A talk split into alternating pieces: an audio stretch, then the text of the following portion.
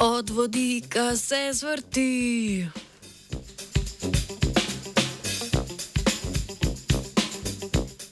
Med strategijami za nadomestitev fosilnih goriv se pogosto omenja vodik, ki podobno kot fosilna goriva lahko deluje kot kemična shramba energije in zato ni odvisen od spremenljivega vremena. Trenutno večina proizvodnje vodika temelji na uporabi fosilnih goriv, zelene alternativne rešitve pa še niso dovolj razvite. Pridobivanje vodika s hidrolizo je tako lani obsegalo zgolj desetino odstotka globalne proizvodnje.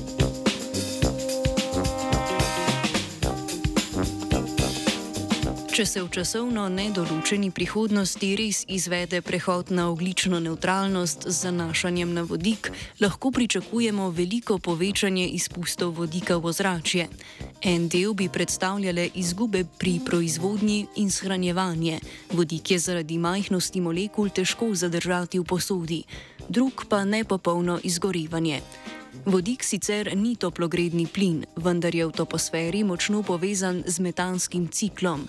Presežek atmosferskega vodika bi tako lahko zmanjšal učinkovitost hidroksida kot atmosferskega ponora metana. Metan je znan podneb gonilec podnebnih sprememb, zato je treba podrobno razumeti vpliv vodikove industrije na njegovo atmosfersko koncentracijo.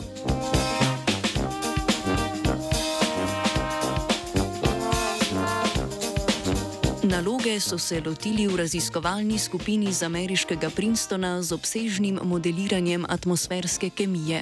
Najprej so poiskali stabilno stanje toposferskih koncentracij plinov, kjer so upoštevali tako njihove kemijske reakcije kot površinske ponore in izvore. Na to so stabilno stanje zmotili s kemijsko motnjo 10-odstotnega povečanja koncentracije vodika in opazovali časovni razvoj. Iz tega so na to razbrali glavne načine odziva atmosfere na vodikovo motnjo in z njimi asociirane časovne skale.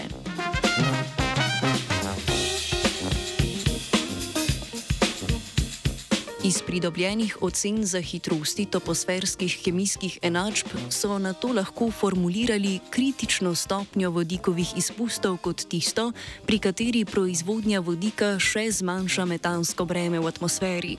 Pri dveh razširjenih potencialnih tehnologijah pridobivanja vodika se ocene za izgube plina v atmosfero razpenjajo med enim in desetimi odstotki. Izbira tehnologije ima tako pomembne posledice za največji obseg energije, ki jo lahko nadomesti vodik.